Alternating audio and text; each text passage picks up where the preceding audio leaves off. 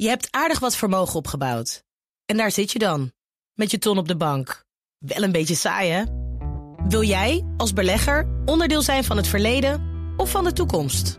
Bridgefund is een slimme fintech die een brug slaat tussen de financiële behoeften van ondernemers en van beleggers.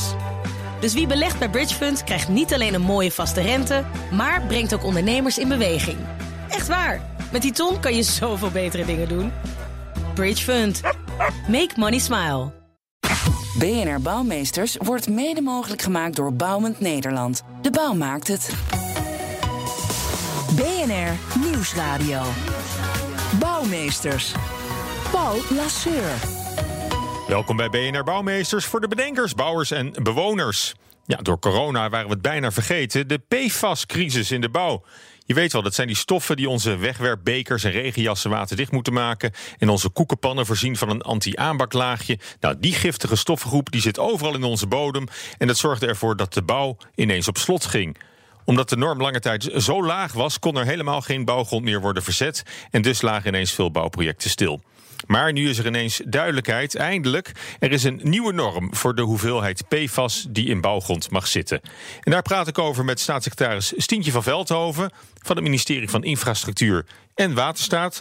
Welkom bij Bouwmeesters, mevrouw eh, van Veldhoven. Fijn dat u er bent, op veilige afstand ook nog, eh, want vanuit Den Haag. Dat komt helemaal goed zo, inderdaad.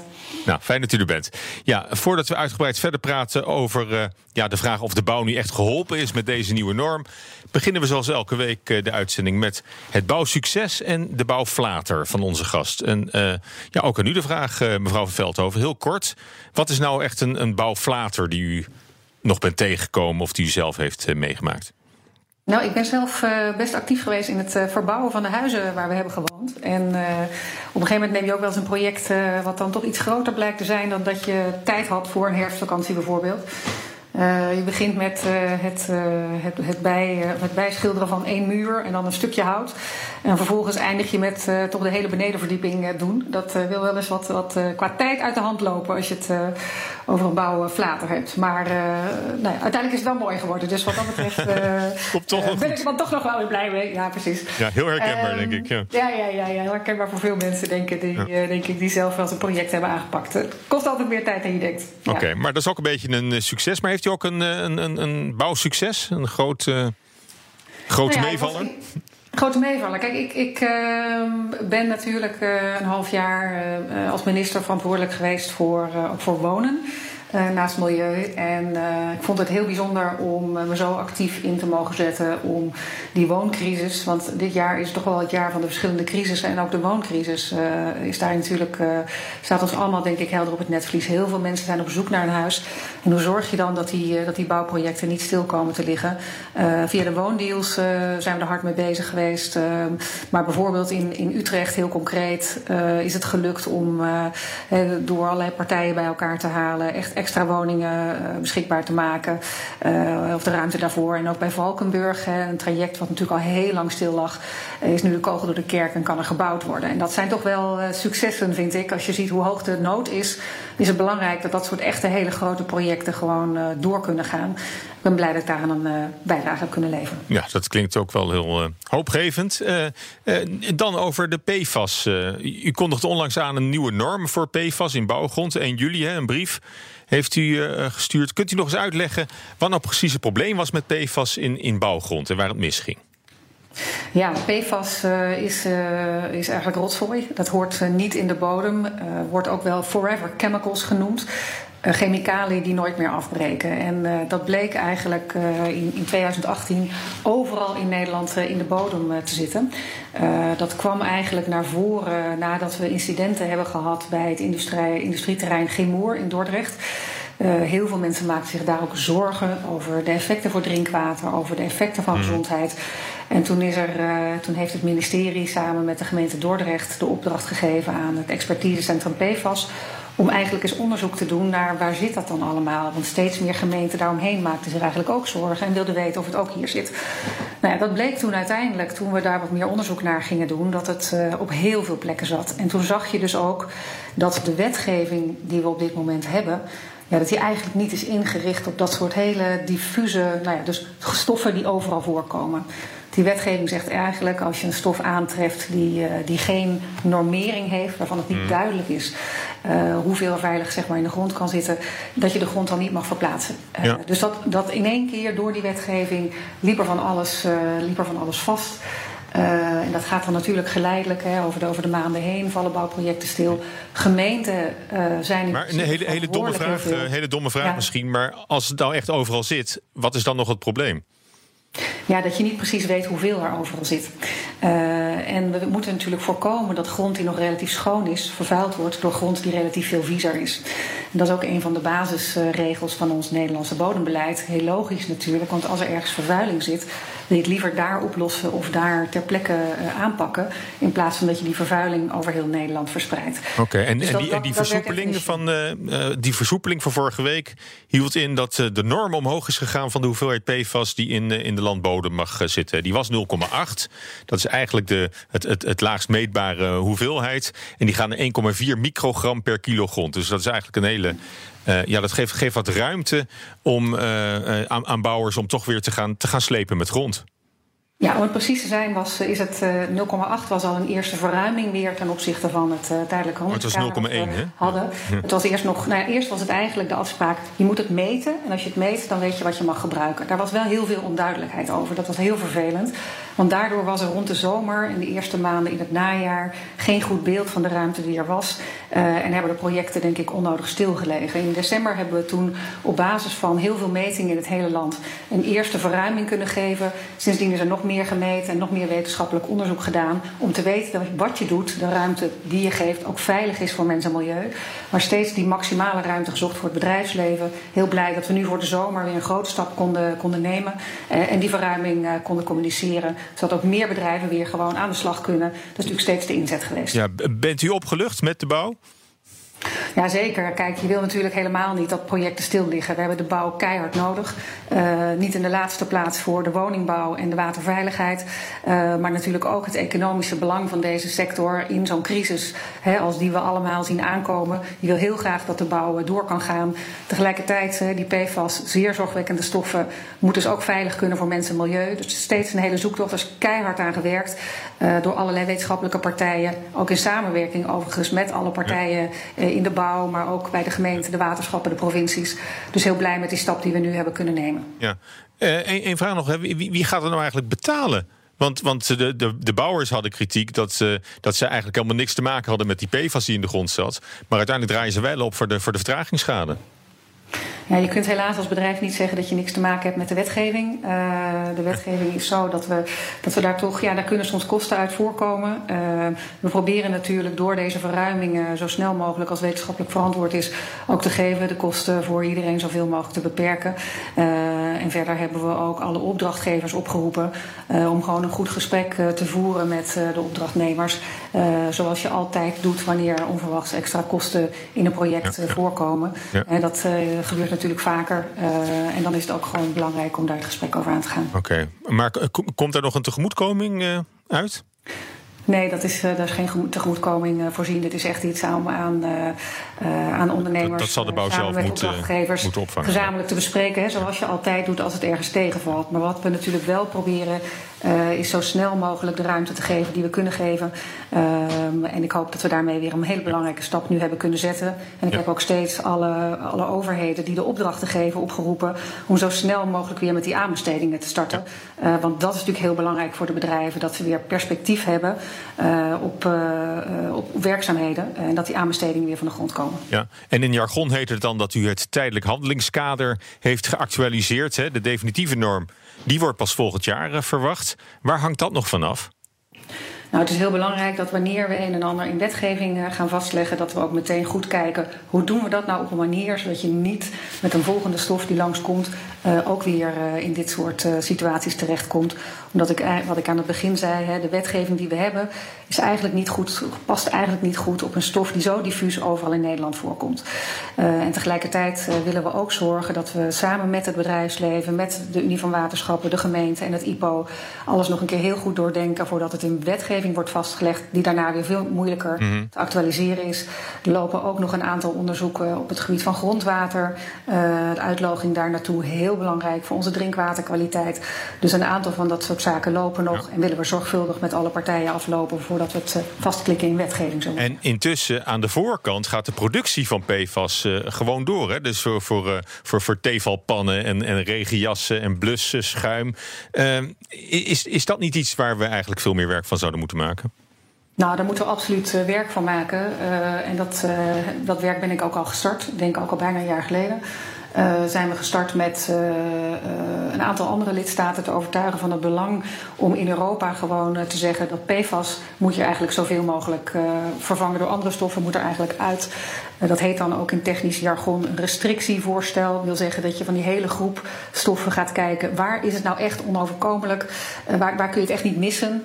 Uh, maar voor alle andere toepassingen gewoon te stoppen met het gebruik van PFAS. Want voor de, voor de, de binnenkant van een pizzadoos moet er toch echt iets te vinden zijn wat minder uh, schade toebrengt aan ons milieu. En zo moeten we daar echt met elkaar naar gaan kijken. Dus absoluut, die kraan moet ook echt dicht. en daar werken we nu in Europa aan. Voor Nederland natuurlijk heel belangrijk om dat in Europa te doen. Want je ziet dat die verspreiding van die PFAS ook bijvoorbeeld via de rivieren en dergelijke komt komt toch heel veel van ons water uit het buitenland. Uh, dus dit moet je echt op Europese schaal ook aanpakken. BNR Nieuwsradio. Bouwmeesters. Paul Lasseur. Zometeen praat ik verder met staatssecretaris Stientje van Veldhoven over haar korte maar krachtige ministerschap. Ineens verving ze minister Ollongren van Binnenlandse Zaken en loodste ze de omgevingswet door de Eerste Kamer. Maar eerst. BNR Bouwexpo. Is hier redacteur Judith Lane voor de Bouwexpo. Hoi Judith. Hallo, hallo. Hallo. En fijn dat je ook weer eens in de studio erbij bent. Eindelijk, ja. eindelijk. Maar we gaan meteen naar Duitsland. Uh, ja, we gaan uh, sterk nog naar uh, Heidelberg. En daar heb ik een leuk liedje bij, want Heino heeft er nog een mooi liedje over gemaakt. Ik heb mijn Herz in Heidelberg verloren. In einer lauen Sommernacht. Ich war verliebt bis über beide Ohren und wie ein Röslein hat ihr Mund gelacht. Und als wir namen... Ja, superleuk. Uh, ik, uh, als ik uh, de kans krijg om Heino te draaien, dan doe ik het eigenlijk altijd. maar, ja, met de rollende R. ja, precies, ja. Ja, ik ga ook zelf trouwens al jaren op vakantie naar Heidelberg. Dus dat is voor mij een bekend terrein. Ja. Maar we gaan specifieker even naar Patrick Henry Village. Dat ligt namelijk vlakbij Heidelberg. Klinkt niet heel Duits. Nee, nee, het ligt schuin onder Frankfurt, Heidelberg. Voor de mensen die niet zo met de geografie van Duitsland bekend zijn. Patrick Henry Village was een Amerikaanse militaire basis. Het is gebouwd tussen 1952 en 1955. En er woonden dus tot 2013 Amerikaanse militairen met hun gezinnen. En ooit zat er dus 16.000 man. Dus best wel, best wel wat. En het is ongeveer even groot als het oude centrum van Heidelberg zelf. Ja, die heeft volgens mij ook de langste winkelstraat van Europa. Die is een kilometer. Dus om even aan te geven uh, hoe groot het ongeveer was. Nou ja, een kilometer. Dus nou ja, best oké. Okay. Uh, en ze hadden daar dus van alles. Van een bioscoop tot een sportcomplex. Echt, uh, you name it. En 16.000 man. Dus dat is, dat, is echt, ja. dat is echt een flink dorp. toch wel, ja. En uh, sinds 2013, zeven jaar geleden, ging het uh, dicht. Mm -hmm. Of tenminste, vertrokken de Amerikanen. En nu ja. gaat het op de schop. Ja, dus het gebied wordt nu herontwikkeld. En sterker nog, door een stel Nederlanders en een Oh. Italiaan. Uh, die Italiaan heet Carlo Ratti. Uh, die Nederlanders die zijn Kees Christiaanse van uh, architectenbureau KCAP uit Rotterdam. en die andere Nederlander, dat is wel een hele bekende, Winnie Maas van MVRDV. Mhm. die ken je misschien van de Markthal. Ja, ja. En ja, die Duitsers die waren eigenlijk niet heel erg meteen overtuigd van zijn visie. Dus sterker nog, ik, toen ik hierover aan het researchen was, las ik een artikel in de Rhein-Neckar-Zeitung uit 2016. Die begon met: Steht da ein Oder ein Visionair? Dus staat er een gek of staat er een visionair? Ja. uh, maar goed, het moet dus een soort. Uh, zij heeft ze uiteindelijk wel weten te overtuigen. Het moet een soort kennisstad voor de toekomst worden. Met plek voor 10.000 tot 15.000 man. Uh, en 5.000 banen. En eigenlijk een modellocatie voor digitale technologie. eh, innovatieve mobiliteitsplannen. En waar natuurlijk alles klimaatneutraal is. En daar ligt nu een masterplan voor uh, op Ja. de tekentafel. Klopt, het moet een soort tuinstad worden eigenlijk ook met heel veel groen in het centrum. Eh, aan de buitenranden gaan ze dan verdichten, hè, zoals, zoals ze dat in gebiedsontwikkelingsjargon noemen. Dus daar, daar komt dus plek voor meer woningen bij elkaar. En ze hebben dat gebied ook opgedeeld in kwartieren en daarbinnen dus buurten waar je dan kan wonen en werken. Ehm, maar ze hebben ook ruimte voor onderzoek, eh, voor ontwikkeling, voor start-ups om zich daar te vestigen. Dus hè, dan kom je weer terug op die, ja, die kennisstad waar ze het over hebben. En eh, in het oosten naast de snelweg, want het ligt dus vlakbij de snelweg. Uh, waarmee je dus heel snel zo naar Heidelberg kan rijden. Uh, daar komen dan weer grotere gebouwen. En ja, ze hebben eigenlijk alles in, in onderdeeltjes opgedeeld, zodat ze stap voor stap kunnen ontwikkelen. En uh, ze hebben ook aan de, de mensen die er in de omgeving wonen gevraagd om mee te denken. En de gemeenteraad van Heidelberg heeft net ook al die burgerplannen en de hele radplannen goedgekeurd. Ehm, en het moet zelfs volgens mij nog ietsje groter worden dan oorspronkelijk bedacht. En in 2023 moeten ze al een deel gebouwd zijn. voor ongeveer 2000 mensen moeten daar dan al kunnen gaan wonen. Dus jetzt geht's richtig los. jetzt geht's richtig los, Paul. Ja. Ik, ik zou graag een beetje Heino voor je draaien, maar ik heb niks meer uh, onder de knop. Helaas. Volgende keer weer. Dankjewel, Judith. Joe. Paul Lasseur. Ja, ik praat verder met staatssecretaris Stientje van Veldhoven van Infrastructuur en Waterstaat over haar ministerschap. Ze loodste de omgevingswet door de Eerste Kamer en zorgde voor nieuwe woonprojecten in Arnhem en Nijmegen. Daar refereerde u net ook al aan, mevrouw van Veldhoven. Uh, als ik nou even vraag uh, terug te kijken op dat ministerschap, het duurde zes maanden. Waar bent u dan het meest trots op? Nou, dat de omgevingswet uh, erdoor is, is natuurlijk uh, een hele belangrijke herziening van, van alle regelgeving geweest. Die het hele stelsel vooral voor mensen makkelijker moet maken. Als je een vergunning gaat aanvragen, dat je dan uh, makkelijk er doorheen geloodst wordt in plaats van dat je naar zes loketten toe moet. Dus dat, dat was een hele klus, ook om dat geaccepteerd te krijgen allemaal. Dus dat was heel mooi. Maar heel concreet ben ik natuurlijk vooral heel blij met ja, wat we op de wooncrisis hebben kunnen doen. Al die extra plannen, extra huizen dat gaat heel concreet voor mensen betekenen dat ze makkelijker aan een huis kunnen komen. En heel veel mensen zitten daarop te wachten. Dus uh, was blij daaraan een bijdrage te kunnen leveren. Ja, nou, die omgevingswet eh, die is wel door de Eerste Kamer. Maar die wordt wel weer een jaar later dan gepland ingevoerd. Door de coronacrisis. Ehm, hoe, hoe, gaat het, hoe kan die omgevingswet Nederland dan nog helpen bij ook het te lijf gaan van die bouw- en woningcrisis? Nou, er is natuurlijk uh, nu ook de crisis- en herstelwet. Dat is eigenlijk een soort voorloper op, die, uh, op de omgevingswet. Uh, dus wat we nodig hebben voor het bouwen van al die woningen, daarvoor hebben we op zich wel instrumenten waar we nu gebruik van kunnen maken. Nogmaals, bij Valkenburg 15.000 woningen, Arnhem-Nijmegen, de woondeals overal. Dus dat, dat lukt wel. Maar ik ben heel blij dat we daar vooral zo hard nu aan het werk zijn. Kajsa Ollongren heeft dat natuurlijk opgestart voordat ik daaraan begon. ik ben blij dat ik daar een half jaar een bijdrage aan heb mogen leveren. En zij is nu weer een volle slag met, al deze, met alle gemeenten natuurlijk, waar de concrete plannen gemaakt moeten worden. Er worden heel veel plannen gemaakt. Utrecht zit op over de 100% aan plannen van die ze eigenlijk denken nodig te hebben. En dat is natuurlijk ook heel belangrijk, want er valt her en der ook nog wel eens een plan uit. En daar moet je op voorbereid zijn, zodat we genoeg bouwen. Ja, nou, u had ook gepland om actief woonlocaties te gaan aanwijzen. Hè, zodat het bouwen van woningen wat minder vrijblijvend zou worden. maar nu bent u geen minister meer. Is, is dat een, een, een traject wat ook minister Ollengren zal, zal bewandelen? Nou, we hebben steeds gezegd, uh, maar goed, daar kunt u vast minister Ollongren zelf ook nog een keer over, uh, over spreken, uh, dat het belangrijk is dat er voldoende locaties zijn. En als er voldoende locaties zijn, hoef je ze ook niet aan te wijzen. en gelukkig zie je dat er, dat er hard gewerkt wordt. Ik noemde net al Utrecht, die echt heel veel extra locaties hebben aangewezen. We hebben een grote vraag naar woningen in Nederland. Daar moeten we met elkaar hard mee aan de slag.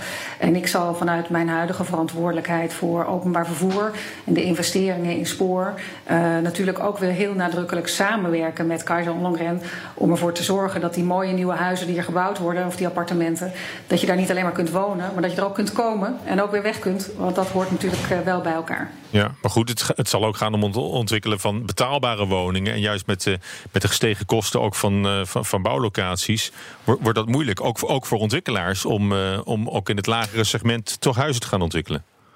Ja, dat is zeker is dat een uitdaging voor ons allemaal. Toch zijn met name in die middenklasse zijn er echt extra woningen nodig. Daar heeft het eh, kabinet ook eh, flink extra geld voor uitgetrokken om juist dat soort woningen uh, te kunnen laten bouwen. Dus dat valt nu weer onder de portefeuille van Keizer Ollongren, maar die is daar hard mee aan de slag. Heeft gelijk, in, die betaal, in dat betaalbare segment is er echt een hele grote vraag. en daarom trekt het kabinet daar dus ook geld voor uit. Ja. En geld, geld is daarvoor genoeg of, of moet er nog meer ja, geld is genoeg, dat is altijd een gevaarlijke vraag. Hè? Want er is altijd meer vraag dan geld. Maar dat geldt voor de hele rijksbegroting. Om dan maar eventjes uh, in de termen te blijven. Oké. U, u, refereerde al aan, aan de woondeals. Hè? Arnhem en Nijmegen bijvoorbeeld. Uh, tot uh, 2025 moeten daar 20.000 woningen bij komen. Op lange termijn zelfs tot 60.000. Maar nu moet eigenlijk de klap van de coronacrisis voor de bouw nog, nog komen. Dat is tenminste waar, waarvoor gevreesd wordt. dus dan, dan heb je wel een deal. Maar heb je daar wel zoveel aan in crisistijd? Nou, we vinden het als kabinet heel erg belangrijk dat, uh, dat de bouw door kan blijven gaan. Het is een van de sectoren die, als je naar eerdere ervaringen kijkt, die of een crisis kan uh, verergeren als die stilvalt, of juist ja, als je een beetje wat dan heet anticyclisch met de bouw om kunt gaan, juist ook kan zorgen dat er heel veel mensen aan het werk blijven. Dus het kabinet kijkt echt in de breedte naar welke projecten kunnen we eventueel naar voren halen. Mijn collega Cora van Nieuwenhuizen is daar heel actief mee aan de slag waar het gaat om de wegenbouw. Ik heb ook mm. Via ProRail uitgevraagd om dingen naar voren te halen. Uh, Kajsa Ollongren is daar heel druk mee bezig uh, waar het gaat om de woningbouw. En zo proberen we allemaal de, nou ja, die acties te nemen om de bouw aan de gang te houden. Daar hebben we allemaal belang bij. Nu heeft u gezegd in het vakblad Cobouw dat de PFAS-crisis duidelijk heeft gemaakt hoe belangrijk het is dat de bouw schoner wordt. Maar het is op zich een wat, merkwaardige opmerking, want de bouw kon er toch niks aan doen dat al die PFAS in de grond zit. Nee, maar ik denk dat het ook uh, vooral te maken heeft ook met de stikstofcrisis die we ook nog tegelijkertijd hebben. Uh, waar je ziet dat, het, uh, dat bouwprojecten soms stil liggen omdat het, omdat het moeilijk is om aan die stikstofeisen te voldoen. Daar kun je dan wel degelijk ook als bouwbedrijven ook een bijdrage leveren. Kun je ook weer niet alleen, maar ook samen met de overheid kan dat. bijvoorbeeld schonere bouwmachines eisen voor het verminderen van vervuiling. Aan de ene kant moeten de opdrachtgevers dan bereid zijn om ervoor te betalen. Uh, en aan de andere kant uh, kunnen ondernemers ook actief op zoek naar mogelijkheden om daar te innoveren. Daar zijn ook weer subsidies voor. Uh, bijvoorbeeld een mooie elektrische kraanwagen van het transportbedrijf Vlot Logistics. Die hebben echt een, samen met een zusterbedrijf bouwen die een zware kraanwagen met aanhangwagen en een trekker. waarmee je en minder CO2-uitstoot hebt en minder stikstof. en dat is natuurlijk ook meteen een mooie kans voor, voor bedrijven. Dus in die zin is er ook in de bouw nog heel veel te doen. Uh, om de uitstoot naar beneden te brengen. Niet zozeer van PFAS, maar wel van stikstof. En uh, daar zijn ook nog uh, issues genoeg. Oké, okay, nou. En dan komen we aan het eind van dit gesprek. En dan aan u de vraag: zou u, als u de kans krijgt, het weer doen, minister worden in een volgend kabinet? Nou, daar ga ik van de zomer eens goed over nadenken. Maar het is me in ieder geval heel goed bevallen. Ik vond het prachtig om aan deze portefeuille. Heel, heel ministerieel antwoord ook. Ja. daar gaan we in de zomer eens heel goed over nadenken. Dan zal, dan zal, ik dat ook doen. Hartelijk dank voor dit gesprek. Staatssecretaris Tientje van Veldhoven van Infrastructuur en Waterstaat. En tot zover BNR Bouwmeesters. We gaan met zomerstop vanaf volgende week. Dan hoor je al onze beste onderwerpen van het afgelopen seizoen. Dus je kunt gewoon blijven luisteren om half vier s middags live bij BNR. En verhalen en tips kunnen gewoon naar bouwmeesters.bnr.nl worden gestuurd... of via Twitter, BNRBouw. Deze uitzending is ook terug te luisteren als podcast via de BNR-app en bnr.nl. Tot na de bouwvak, tot in augustus. BNR Bouwmeesters wordt mede mogelijk gemaakt door Bouwend Nederland. De bouw maakt het. Je hebt aardig wat vermogen opgebouwd. En daar zit je dan, met je ton op de bank. Wel een beetje saai, hè? Wil jij, als belegger, onderdeel zijn van het verleden of van de toekomst? Bridgefund is een slimme fintech die een brug slaat tussen de financiële behoeften van ondernemers en van beleggers. Dus wie belegt bij Bridgefund krijgt niet alleen een mooie vaste rente, maar brengt ook ondernemers in beweging. Echt waar. Met die ton kan je zoveel betere dingen doen. Bridgefund. Make money smile.